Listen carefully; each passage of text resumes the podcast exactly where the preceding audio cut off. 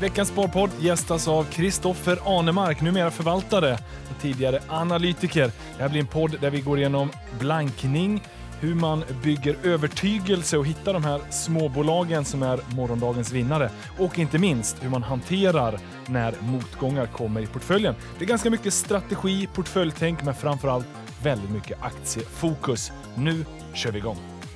Välkomna till Sparpodden. Det kommer att bli en hel del aktiesnack i detta avsnitt, för jag har med mig Kristoffer Anemark, förvaltare på Origo Fonder numera. Välkommen hit! Tusen tack Alexander. Väldigt kul att vara här och kul att se dig efter den här långa och härliga sommaren. Du, detsamma! Hur har din sommar varit? Du, det har varit väldigt bra. Ja. Eh, bra väder, har och åkt båt en hel del och eh, kanske tagit lite semester från börsen emellanåt, men eh, inte kunnat släppa det helt. Ja. Själv då? Varit ute och fjällvandrat en del? Ja, fjällvandrat, mycket outdoor-aktiviteter. Eh, lite mountainbike också första gången. Eh, det var lite skakigt, men eh, jag lärde mig. det är lite som börsen, det går upp och ner. Ja, exakt. Verkligen upp och ner där. Och så kommer lite stenar och annat som man inte hade eh, sett komma. Ja. Men, eh, men det är kul. Du har ju varit med här några gånger tidigare. Eh, jobbade tidigare som analytiker hos Aktiespararna. Precis. Men numera hos Origo Fonder. Precis. Och eh, när vi spelar in det här på tisdagen så är det ju det är liksom första veckan, första dagarna. Ja, det är, det är mycket att ta in såklart. Ja. Eh, väldigt mycket i de här introdagarna och introveckorna. Och, eh, sen har jag ju lärt känna portföljen över tid också såklart. Jag har ju följt Origo eh, på ganska nära håll eh, och haft bra kontakt med Stefan Roos som är grundare och så. Och min känsla är ju att din liksom, strategi från vad jag känner dig sedan tidigare, den är ju väldigt kompatibel med den här. Precis. Det känns som att det är, det är väldigt liknande. Ja. Eh, till att börja med kan man ju säga att Origo är eh, och vår främsta, vi har ju en fond som heter Quest One. Eh, den skiljer sig från väldigt många fonder i den meningen att vi, vi har absolut avkastande, alltså vi är fokus på det, att vi ska mm. leverera en 10-15% per år oavsett hur börsen går. Och att vi är en AIF-förvaltare, vi är en sån alternativ investment fund som det heter. Eh, så vi är en hedgefond eh, och vi kommer komma in på lite vad det innebär och vad, vad hedgefond innebär för oss. Eh, men generellt sett kan man säga att risknivån är lägre i den här typen av produkt jämfört med en vanlig traditionell long-only usage-fond. Ja, för, för ni vill att oavsett om marknaden går upp eller ner så ska det hela tiden vara lite positivt, helst ganska mycket positivt. Exakt. Eh, och detta gör ni då genom att gå både lång och kort. Exakt, så vi har ett lång-kort mandat. Så vi kan både eh, köpa bolag som, som vi verkligen tror på i långa boken och så kan vi blanka, som det heter, eller gå kort eh, bolag som vi kanske inte tror på, eller av olika anledningar eh, där vi har en, gör en bedömning att den ska ner. Eh, aktien. Så, eh, och, och, det kan också vara, det finns ju olika typer av kortningar, vi kanske kommer in på det också, men eh, framför allt är det just för att balansera risken i portföljen, ta bort marknadsrisk, liksom skala fram alfat i case. Om man tänker att ett case är som en, som en lök, så vi vill liksom ha kärnan. Ja. Att skala bort de här riskfyllda lagren. Ja, men, teorin då säger väl att om en, om en aktie är upp 30% men marknaden är upp 20% så kanske 20% av den där 30% kan tillskrivas marknadsavkastningen. Exakt. Och den vill ni då försöka skala bort, så att ni nöjer er med de där 10.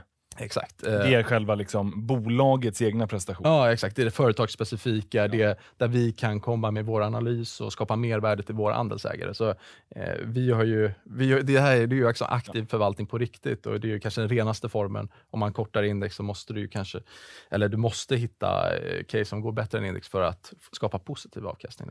Ja, för i mitt exempel där när aktien gick upp 30 och marknaden 20 och så nöjer man sig med 10. Eh, spontant så tänker någon, varför inte bara ta 30? Det är ju det är bättre.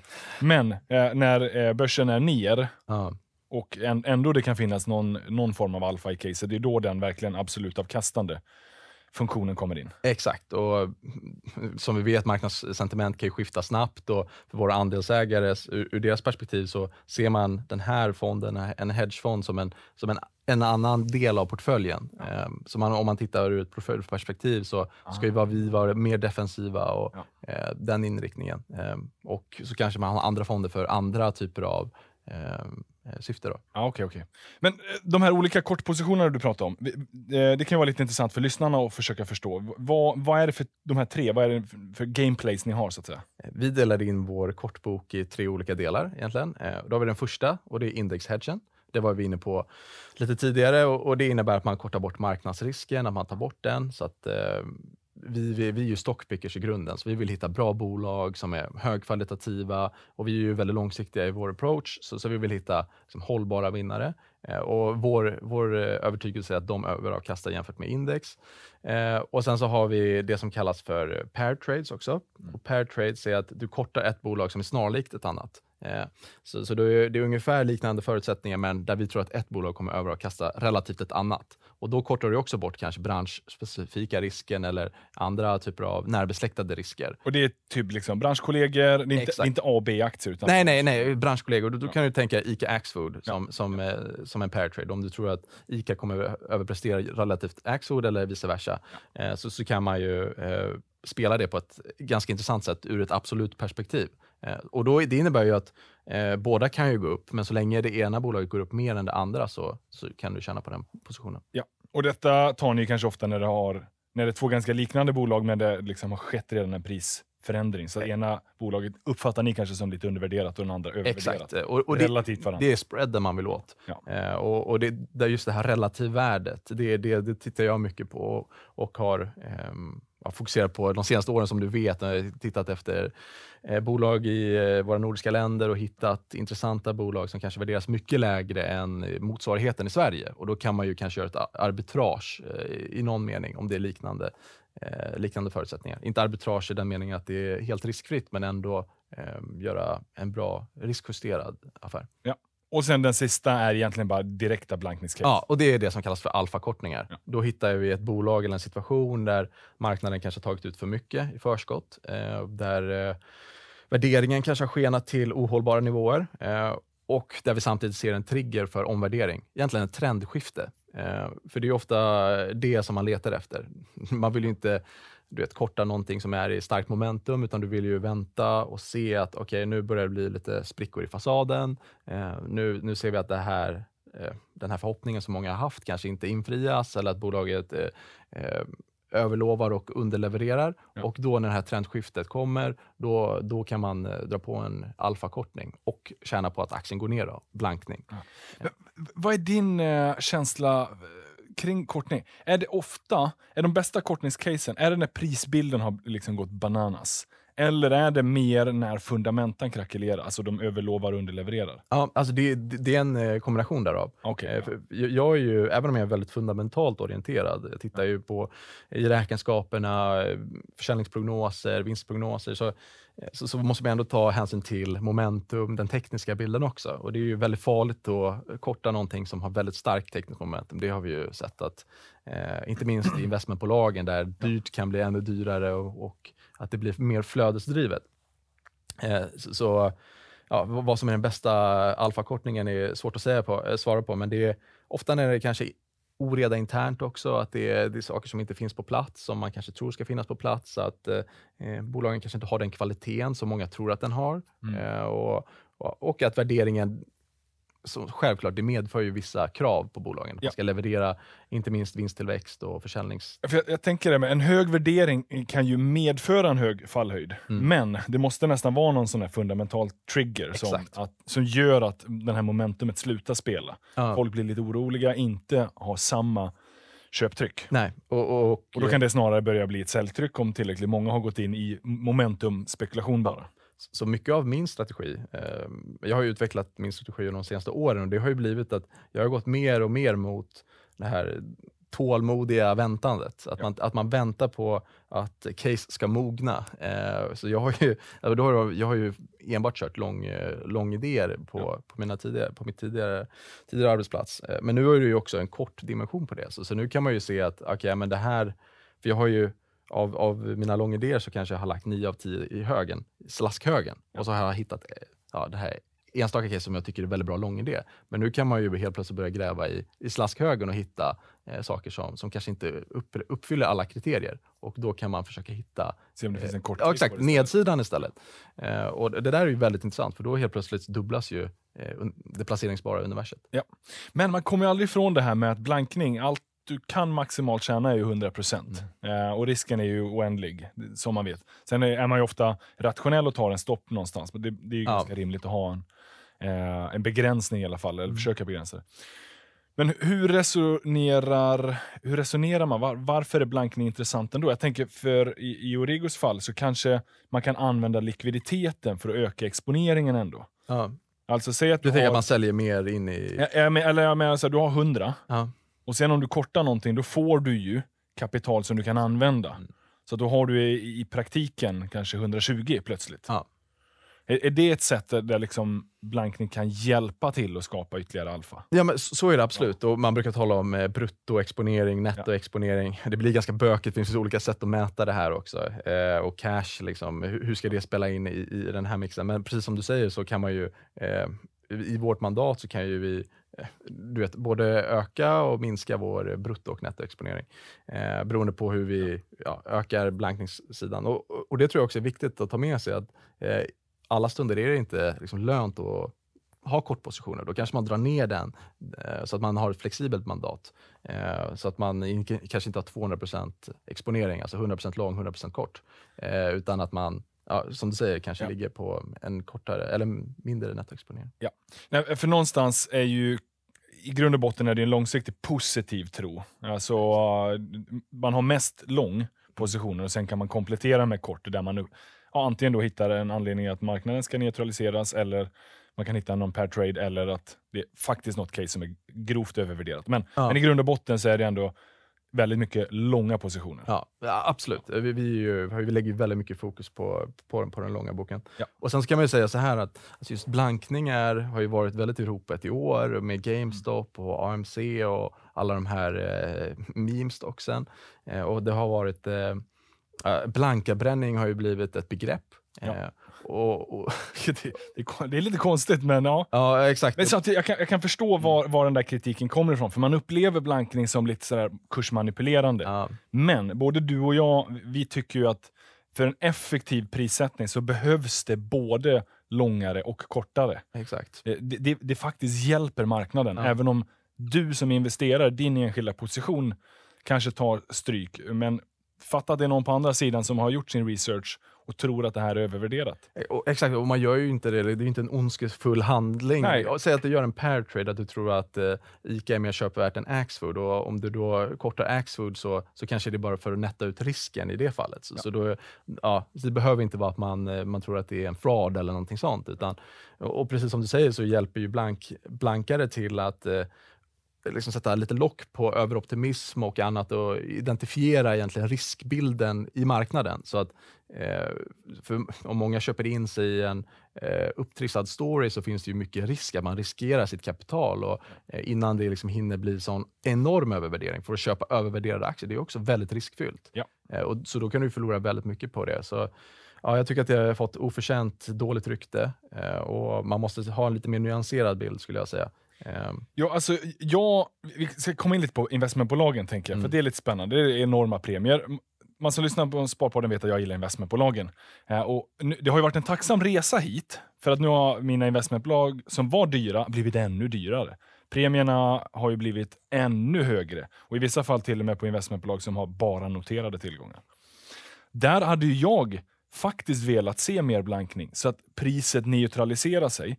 För jag personligen, jag vet att jag kommer vara nettoköpare av aktier under många år framöver. Mm. Så mina månadsbesparingar nu är ganska jobbiga att stoppa in. För jag vet, nu får jag köpa till orimligt höga priser. Och jag hade hellre velat köpa till lägre priser. Så att eh, för mig är blankning till och med bara, är jag övertygad om mitt case, att de här aktierna tror jag på på lång sikt, då, blankning gynnar ju mig bara. Då får jag Ja. köpa billigare. Om jag, nu, om jag verkligen är övertygad om att det här ska gå bra på lång sikt. Exakt, och ofta är ju en blankning kortsiktigt orienterad. Ja. Det är inte att man eh, lång, alltså kortar den och man tror att den ska gå mot noll, utan det är mer att man ser en, en tillfällig övervärdering eller vad det nu kan vara. Eh, och precis som du säger, just investmentbolagen är ju extrema i, det, i den meningen att det har varit en anomali. Ja. Eh, att det har, investmentbolagen har överkastat mot index. Eh, och det är många som har uppmärksammat det, identifierat det, eh, satsat eh, både hus och hem på den trenden. Eh, och eh, det är klart att när alla gör det, då försvinner anomalin och överavkastningen. Så blir det övervärdering istället. Ja. Och det i sin tur skapar ju lägen precis för en fond som oss som har ett ganska fritt placeringsmandat. Vi kan både långa, vi kan korta. Eh, och, och då kan man eh, eh, hitta intressanta möjligheter just på, på kortsidan där. Ja. Men just investmentbolagen har ju varit ganska flödesdrivna också. Det har ju det finns ju stora fonder. Ja, men Spiltan-fonden är ju väldigt populär. Den är enormt mycket månadssparande och det i sig är ju ett konstant köptryck, vilket har ju lett till att ytterligare prisuppgångar Ja. har skett. Ja. Eh, Men, men sen som du säger, alltså, du vet, när du betalar en, en premie för ett noterat eh, eller ett investmentbolag som har i hu- huvudsak noterade innehav, det innebär ju att du intecknar redan överavkastningen eh, som ska komma kommande tid och då är helt plötsligt blir risk-reward inte fördelaktig för dig.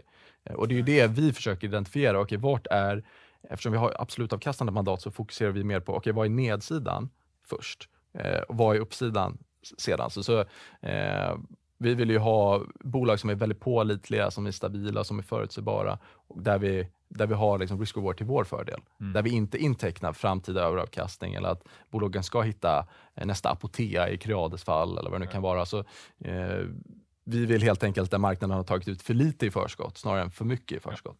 minimera nedsidan Ja. och sen ofta över lång tid så kommer uppsidan sköta sig självt. Ja, men ab- absolut. Och vi har ju, jobbar ju med värdedrivare och har, har ju haft väldigt tydliga, ofta contrarian-positioner relativt index och hitta bolag som är verkligen underskattade och eh, underägda. Lindab var vi Ja. tidiga på eh, exempelvis, eh, som har blivit en darling nu.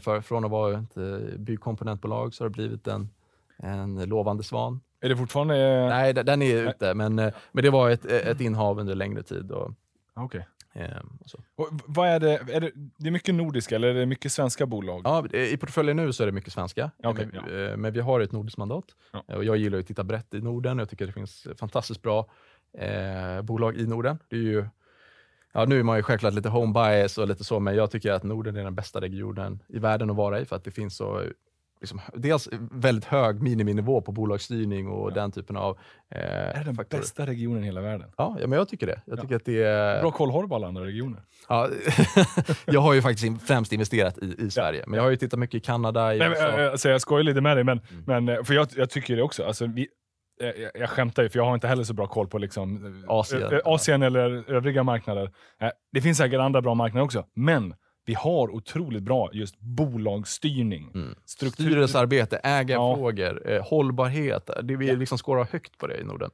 och den informationsgivningen som generellt sett råder bland noterade bolag. Att det, du kan ändå få som investerare ganska mycket material att gå igenom och fundera på och resonera kring. Mm. Eh, ofta är många företagsledare ganska tillgängliga eh, i olika sammanhang. Eh, aktiespararna eller mer eh, och liksom sådär, som man kan ta del av. Och det är rätt öppet. Mm. Så det, det finns goda förutsättningar. Och sen har vi ju, bara ser man historiskt, svenska börsen har varit en av de bästa. Mm. I, Över tid, absolut. Över tiden, att, absolut är det så. Och eh, Det ska man ha med sig. Ja. Att över tid så, så går börsen upp. Tenderar att göra det i alla fall. Men sen så har det ju varit, som vi var inne på innan intervjun, att det har varit en exceptionellt bra börstid. Eh, och många extrapolerar den här liksom 30% per år kommande år. Men Eh, vänta nu, kommer du här säga att vi inte kommer ha lika bra framöver? det här Ja, inte jag är jag. partypoopern här, jag drar, drar sladden på festen. Nej, men det, det är ju lite så. Ja, men vad, ska, vad ska man tro här? För I år, nu när vi sitter här, augusti, Mm. svenska börsen är upp 30%. Storbolagen, large cap, OMXS30. Men sen har du de här First North, är flat. Mm. En del av de mest handlade på First North är ju ner Ja. 10-15%. Eh, till och med mer än så. Ja.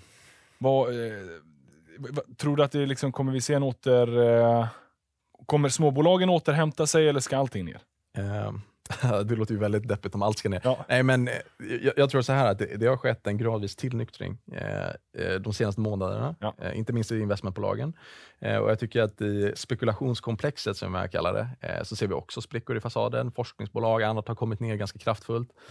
Eh, och jag, jag tror att det kanske var välbehövligt, för det har varit övertänt Ja. eh, ganska länge. Och sen är det, det som har gått, eh, mycket, alltså gått bra i år är ju value framförallt. Bankerna har gått bra, eh, som du sa, många storbolag har gått bra. Fastighetssektorn har ju vaknat fantastiskt fint här på, på senare tid. Eh, så, så jag tror ändå att eh, det har liksom blivit någon form av balansering. Eh, men First North har ju över tid gått väldigt, väldigt bra om man tittar på, på det indexet. Så, eh, så en, viss liksom återbalansering till, eh, till verklighet. Och ibland så är det så att bolag behöver kanske vet, röra sig sidledes. För det är ju, uppgång är ju inte alla, kan ju inte vara alla, dag, alla veckodagars liksom resa. Nej, ofta är ju uppgång, då kan det finnas att det liksom går bra fundamentalt i bolaget. Mm. Men att kursutvecklingen blir ännu starkare, så du får den här multipel-expansionen. Exakt. Att eh, den är befogad, men den är inte riktigt så befogad, uppgången. Och då ofta behöver ju kursen återhämta sig lite medan kanske bolaget fortsätter att takta på. Ja, exakt. Eh, Och sen kommer det någon ny sväng upp. Marknaden tenderar ju att gå i lite sådär vågor. Överreagera uppåt, överreagera neråt. Ja, och, och- och jag skulle vilja säga att eh, generellt sett när marknaden har haft den här du vet, stora, eh, stora uppgången och att eh, eh, tidvattnet har lyft alla båtar, att risken generellt sett ökar då. För att det är många bolag som har stigit, kanske inte på, på grund av det de har levererat, utan bara på grund av en allmän eh, optimism bland investerare. Och eh, som är eh, riskmedveten, absolut orienterad investerare, då blir man ju väldigt försiktig. Då tittar man på, okej, har bolaget gått upp på egna meriter här eller är det bara den generella marknadsvågen som har svept över dem? Ja. Och det, det tycker jag man ser många exempel på, att eh, det- värderingar generellt sett har gått upp. Ehm, och, och då måste man vara lite på sin vakt som investerare. Ja. Ehm, Nej, men, inte för att strö för mycket salt i såren, men det, eh, det finns ju ganska många småbolag som är rätt populära. Alltså Storytel, och Kambi och Stillfront och de där, som har haft en ganska bra momentum, men som nu li ligger i en ganska tydlig nedåtgående trend. ja. Haft ett ganska tufft kvartal eller halvår. Det är rätt intressant att observera vad som händer med eh, liksom, det allmänna psyket i, Mm. kring de här bolagen och framförallt kring aktien. Exakt. Att det blir ju i, i de här uppgångarna, det är väldigt flödesdrivet. Momentum föder momentum. Mm. Eh, man ser att det här är en vinnare, man vill fortsätta satsa på en vinnare. Tills att det någonstans når någon, någon form av liksom, extas och där börjar det ofta liksom, Mm. skifta neråt. Dalarna.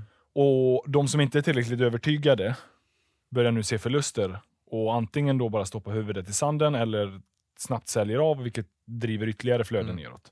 Ta hem vinster bara en sån sak. Eller tar hem vinster Ja. bara kanske, och det driver på ytterligare säljflöden. Så att, det är ju det är ju de tendenserna i grunden som gör att man tenderar att säga, säger just det här att börsen överreagerar, både uppåt Mm. och neråt.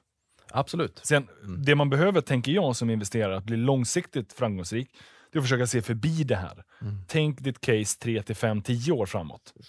För, all- för just här och nu är det väldigt mycket fokus på det här året, nästa år kanske. Men ofta om man vågar höja blicken lite, tänk att extra, bara så här, låtsas att du extrapolerar ut siffrorna fem år. Sätt samma tillväxt som de har haft. Bara se vad som händer då. Mm. Eh, sen vet du att det kommer bli antingen mer eller mindre än det där. Men, men Buffett brukar ju säga det ganska väl, att hellre liksom vara ungefär rätt än precis fel. Mm. Att så här, sätta ett exakt estimat och tro att det kommer att bli det, det stämmer ju inte. Det Nej. finns ingen som vet morgondagen. Nej. Men att höfta, då, då, då kanske du har ungefär rätt i alla fall. Eller hedga dina bets. Eller hedga dina bett. Ja, men, men det är ju precis eh, som du säger, då, jag tycker att Soros sa en bra sak också. Och det är att, eh, jag vet inte om du känner till här begreppet med reflexivitet. Men Ja, reflexivitet är att eh, han menar på att eh, det tekniska kan skapa sina egna fundamenta också. Eh, och det tycker jag vi har sett i väldigt många eh, exempel. För om du har en, en, en bra story, eh, aktien går upp och då blir det ett narrativ, nyhetsflödet blir väldigt positivt. Eh, investerare ser att ah, men det, här är, det här bolaget är på väg någonstans. Eh, aktien stiger brant och då kan bolaget använda sin aktie, göra riktade emissioner på ganska höga kurser, få in pengar, kanske förvärva. Eh, så den här positiva reflexiviteten eh, har, eh, har synts i på många fall. Eh, men sen så är det ju så att precis som i livet i övrigt så finns det en tid att köpa, det finns en tid att sälja och det finns en tid att bara sitta på händerna. Eh, så så vi, det vi gör som investerare är ju, okej, när är rätt läge att göra de här tre sakerna? Eh, och ibland så kan det vara bara vara 100% nettolång och njuta av trenden. Men eh, jag tror att vi kommer komma in i en svagare börsmiljö. Eh, Ja. Andra halvåret här, jag tycker vi redan sett, ser tecken på det. Det är svaghet i periferin som börjar röra sig inåt. Investmentbolag, flöden, annat. Eh, som gör att man eh, ska se över sin portfölj och det ska man alltid göra i och för sig. Men eh, inte minst nu efter att vi har haft en sån otrolig uppgångsresa. Att man, att man tittar på det som, ja, vad är det som är inprisat i den här kursen eh, och vilka risker finns här? Ja. Eh, och, eh, Men, eh, och, om man tänker sådär 3-5 år framåt då. Mm. Vi har ju ändå enorma stimulanspengar. absolut. Och sen har vi någon form av uppdämt behov av investeringar i Mm. företagen. Entreprenörer tänker att nu, på tal om reflexivitet, Mm. entreprenörer tänker ju nu, det här är goda tider, nu är det dags att smida medan järnet är varmt. Eh, nu gör vi investeringar, nu satsar vi. Ja.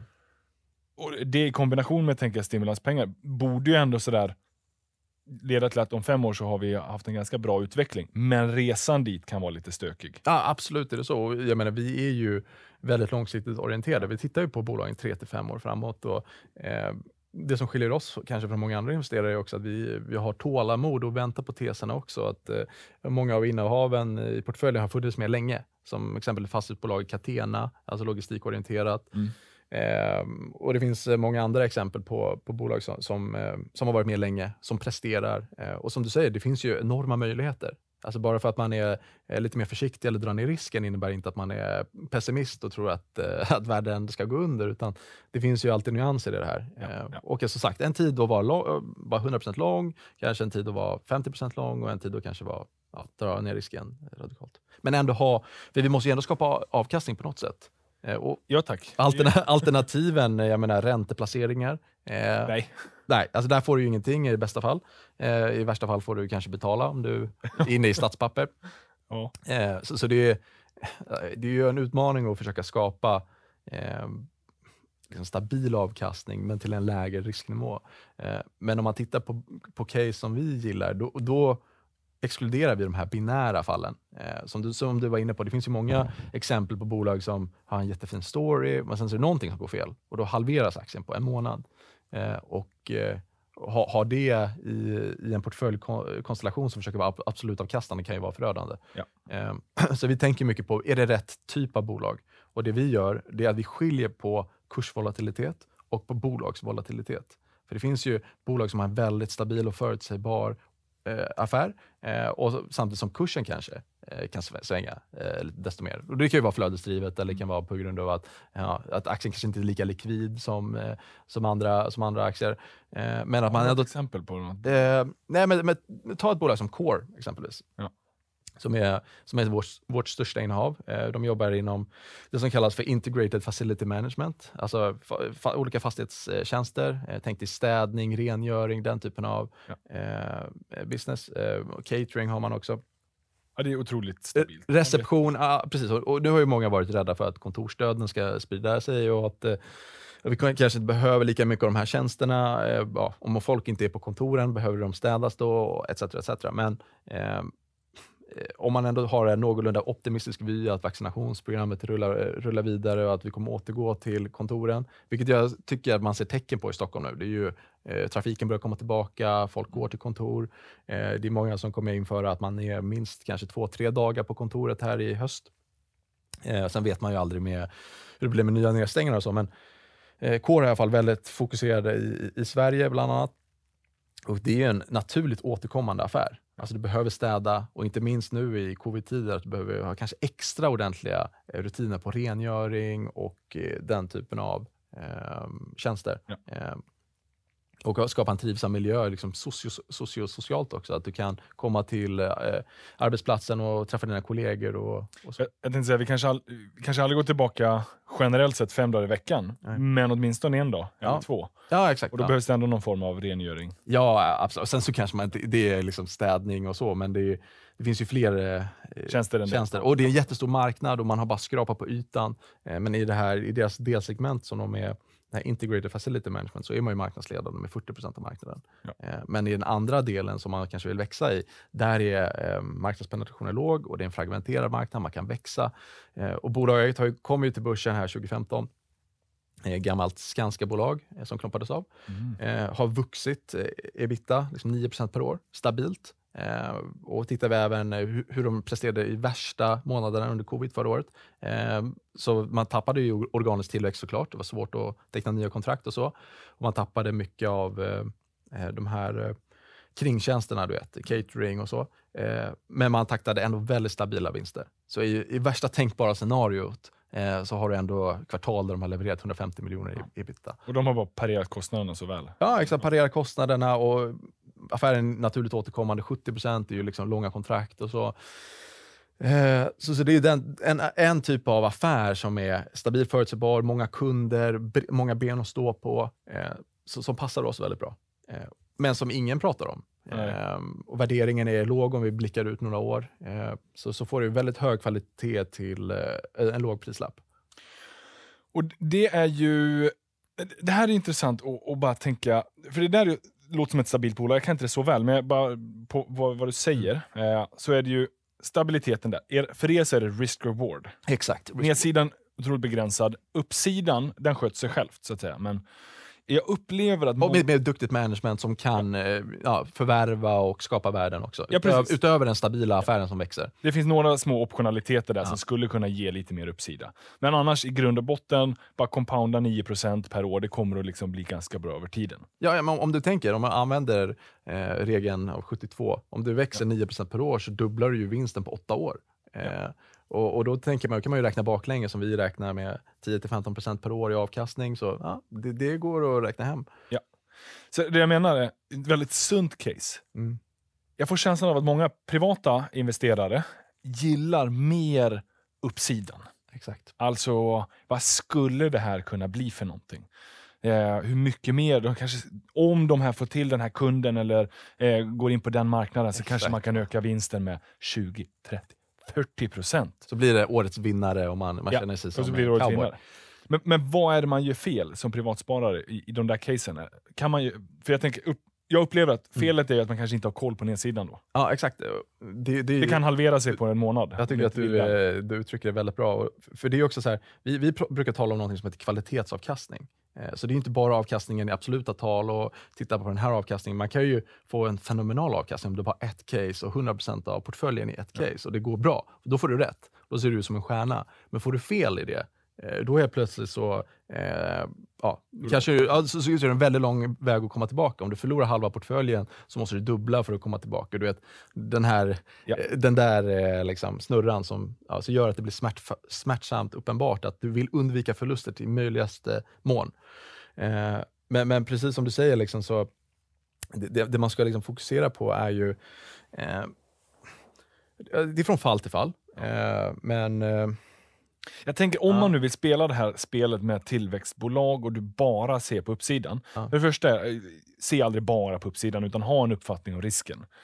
Och även om du har en uppfattning om risken och sen då uppfattar att det, ja, det här är high risk, high reward. ja, Då behöver du på något sätt liksom hantera det i en portfölj. exakt. Att, Att bara ha det caset, ja då kommer du se ut som en vinnare om det går bra, men du kommer också i många fall se ut som en förlorare, eller kommer att bli en förlorare ja, när de där halveringsperioderna kommer. Mm. Så där behöver man ju då kanske diversifiera eller ha en extrem conviction att man ökar i de där nedgångarna. Mm. ehm, eller bara är snabb på att dra plåstret om storyn har ändrats. ja. Mike Tyson, den gamla boxaren, tycker jag har en bra, ett bra quote där. Och han säger att alla har en plan tills man får ett slag i ansiktet. Ja. Eh, och, Ja. och, och jag tycker att det, jag har upplevt det själv. Man har eh, Eh, haft en väldigt koncentrerad portfölj och man åkt på en, en riktig smäll. Eh, och då blir man ju lite handlingsförlamad du vet, när det kommer en nyhet som man inte alls såg komma. Och man har lite för stor del av portföljen i ett innehav och det går ner. Och då blir det så här, okej vänta, vad, vad, vad ska jag göra nu? Ska jag ta förlusten? Ska jag liksom bara eh, sälja och titta nyktert på det? Eller ska jag försöka öka? Eller vad ska jag blåna mig? Eh, och, och då hamnar man i en ganska jobbig psykologisk sits. Att man kan inte tänka lite, riktigt rationellt, utan man blir ofta eh, tvingad till att göra någonting kanske man inte ska göra. Eh, är du med? Och, eh, I möjligaste mån så tycker jag att man ska eh, försöka tänka på vilka implicita risker finns det i det här. Eh, och som du säger, man, man, blir, man blir gärna förblindad av uppsidan. Man tänker att ja, men, om jag köper det här bolaget och det går 1000 procent och jag har 100 procent av portföljen i det, då, då kan jag sluta jobba om fem år. Det är ett väldigt snabbt sätt att bli besviken och, och så. Ja. Men, men det kanske funkar för vissa. Det är, det är ofta det på, på börsen att en sak som fungerar för några kanske inte fungerar för andra och omvänt. omvänt. Ja, eh, pre- precis. För att eh, någon som du kanske läser om som har gjort den där resan kanske inte hade hela sitt eget kapital i Mm. aktieportföljen, kanske hade någonting annat utöver det som gav den stabiliteten och tryggheten att känna att jag kan förlora hela min aktieportfölj. Det är inte avgörande. Men för någon som har allt sitt kapital i en aktieportfölj och bara kör high risk case, Mm.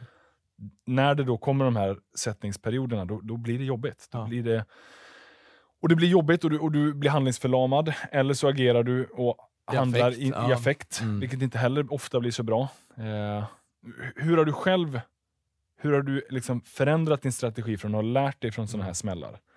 Ja, men det, Och är Är liksom alternativet att ha fler innehav, diversifiera, eller är det att, och liksom, kanske du kan fortfarande vara koncentrerad men gå över mot andra typer Mm. av case?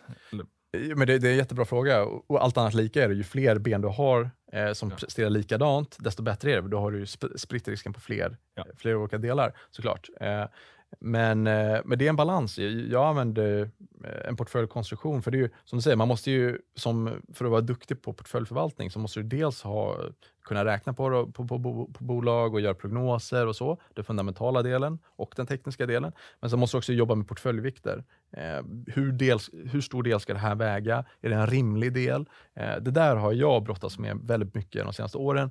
Eh, och man får lära, lära sig eh, den hårda vägen att, att, att jag bygger upp positioner successivt och, och så. Eh, snarare än att man tar ett jättestort high conviction bet och sen så går det ner och sen blir man frustrerad. Eh, trots att man kanske i slutändan får rätt så, Ja. så är det svårt med timing ändå. Eh, Det känns nästan lite som att man behöver fundera ut, vad är jag för en typ av investerare? vad passar för mig? Ja. Eh, för kan man, vet man med sig att jag har liksom nerver av stål, jag kommer inte att röras om det här innehavet halveras. Då kan jag ta det här high, viction, high conviction bettet. Mm.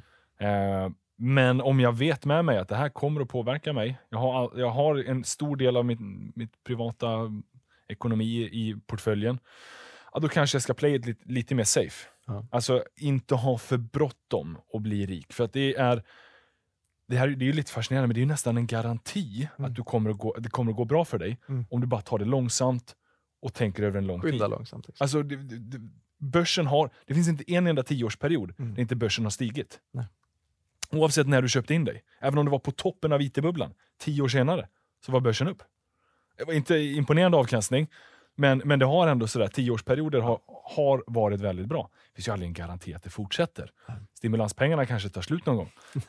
men vi, vi tenderar att ha innovation. Ja. Så skynda långsamt Mm.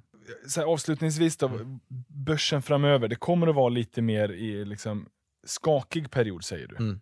Ni är ändå småbolagsfokuserade. Det är vi.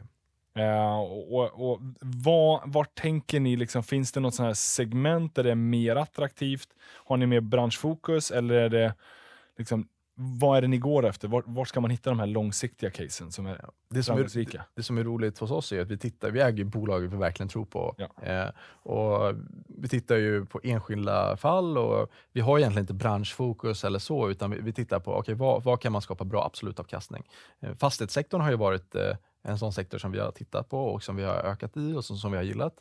Eh, som har varit lite out of favor, men som har kommit tillbaka i värmen rejält nu. Eh, Fabege är ju ett stort Mm. innehav i, i vår portfölj, eh, som var uträknat för, för några kvartal sedan, men har kommit tillbaka starkt. Och har rätt mycket kontor va? Rätt mycket kontor, det är Ja. ju helt eh, Ja, kontorsfokuserat. det var helt Ja, kontors. och så har man eh, lite byggrätter och annat som är dolda värden i balansräkningen. Men, eh, men de, har, de är fantastiskt duktiga på, på det de gör eh, och har gjort det bra över tid. Ett riktigt kvalitetsbolag av den gamla skolan. Du vet att man har intäkter och resultat och växande kassaflöden. Eh, även om kvalitetsbolag i många ögon kan ju vara någonting annat nu för tiden. Men eh, det är ett liksom, klass, kvalitetsbolag av, av rang eh, som har kommit väldigt starkt här på, på börsen senaste tiden. Mm. Eh, Så fastighetssektorn har ju varit en sån, ett vinstcenter för oss. Eh, Och det tänker man ju ändå att räntan kommer att fortsatt vara ganska låg ett tag. Mm. Sker en Ränt, del- amerikanska tioårsräntan har ju kommit ner nu också. Eh, så, så det har nog gett en boost till sektorn. Och så länge den bibehålls där nere så kommer det ju vara fortsatt ganska billig finansiering. Känns som att det börjar ske lite konsolideringar också. Ja, Alltså det- med M&A exakt. Ja. Eh, och, och, Castellum Kungsleden. För det är väldigt många noterade fastighetsbolag nu. Eh, Ja. så, så det är ju rimligt att anta att det kommer komma fler sammanslagningar. Och att det finns ju sådana skalfördelar i administration, förvaltning, om du kan ha större bestånd. ehm, och kanske samma antal individer som driftar ett större bestånd så finns det ju ekonomisk rational bakom att slå samman eh, verksamheter. Eh, och samhällsfastigheter har ju varit väldigt hett också. Ja. Det finns ju så här segment som är väldigt intressanta utifrån ett kassaflödesperspektiv men också riskperspektiv. Ja. Ehm, och sen så är det självklart frågan, tror man att vi kommer sitta hemma vid, vid köksbordet och jobba i, i all evighet eller tror vi att vi ändå kommer ehm, vilja komma tillbaka till kontor, eh, träffa kollegor? Ja, Men det, det låter som att det finns en hel del, eh, ja, men det kanske den här old school affärsmodellen i den fysiska världen. Har ni, är det liksom, finns det några digitala vinnare så där också? Eller är de generellt sett för överprisade för er? Nej, absolut inte. Vi har, vi har lite plattformsbolag också. Ehm, och ehm, vi tänker ju liksom att vi vill ha en bra balans i, i portföljen. Så vi vill ha en stabil bas med, med den här typen av old school som du kallar det. Men vi har ju mycket eh, liksom digitala bolag också. Eller teknikhandlare som Adtech exempelvis. Ja. Väldigt stabilt, eh, stabil pjäs som Men levererar. det får man ändå säga old school. Ja, det är också old school men ändå eh, Men i en modernare tappning kanske. Ja, ja exakt. Ja, men, eh, Serieförvärveri är Ja. superhett just nu. ja, exakt. Beijer Ref har vi också. Ja. Men, men just på teknikspåret har vi Enea och lite sådana Okej. eh, spännande bolag. Vi har BIM Object, eh, Ja. lite annat också. Ja, Okej, det, finns en, det finns en bra mix där. Ja, absolut. Och vi ju, eh, har ganska koncentrerad portfölj eh, Ja. och förhoppningsvis så kommer det lite nya idéer här snart också. Ja, men det gör det ju nu när du kliver in här i bilden. Du, eh, det ska bli jädrigt spännande att följa det här. Eh, dessvärre finns ju inte fonden ännu på Nordnets plattform, men jag, har- jag, har, eh, jag har briefat mina fondkollegor om att det här kan vara ett angeläget, eh, en angelägen fond att plocka. Ja, det känns ju lite dumt att ge ärkerivalen extra konkurrensfördelar i det här fallet. Ja, det är Eh, lite dumt. Men, eh, men klart, alltså förhoppningsvis kommer vi in på Nordnet snart och eh, ja, vi gillar Nordnet också eh, som bolag. Eh, jag tycker ni gör väldigt mycket bra grejer eh, och det är alltid kul att träffa dig Alex. Ja, det Du liksom skiner upp hela bolaget. För mig är du Mr Nordnet. Ja, wow. Ja, det är, nu är höga förväntningar. Ja, du, tack så mycket. Men eh, det ska bli jädrigt kul att få följa din resa här på Rigo Fonder. Absolut. Så ni kan ju signa upp, oss, eh, signa upp er för vår- vårt månadsbrev om Ja. ni vill kolla lite. Vi skriver om case och lite annat. Eh, och på vår hemsida hittar ni mer information också. Du, det ska jag signa upp mig på. Jag vill ha mer. Ja, men gör det. Spännande det case. alltid, alltid kul att få lite inspiration. Ja, du Kristoffer, stort tack för att du var med här i Sparpodden. Kul att jag fick komma. Och eh, till er lyssnare, eh, härligt att ni hänger med oss varje onsdag. Du vet att vi hörs och ses igen nästa vecka. Ciao!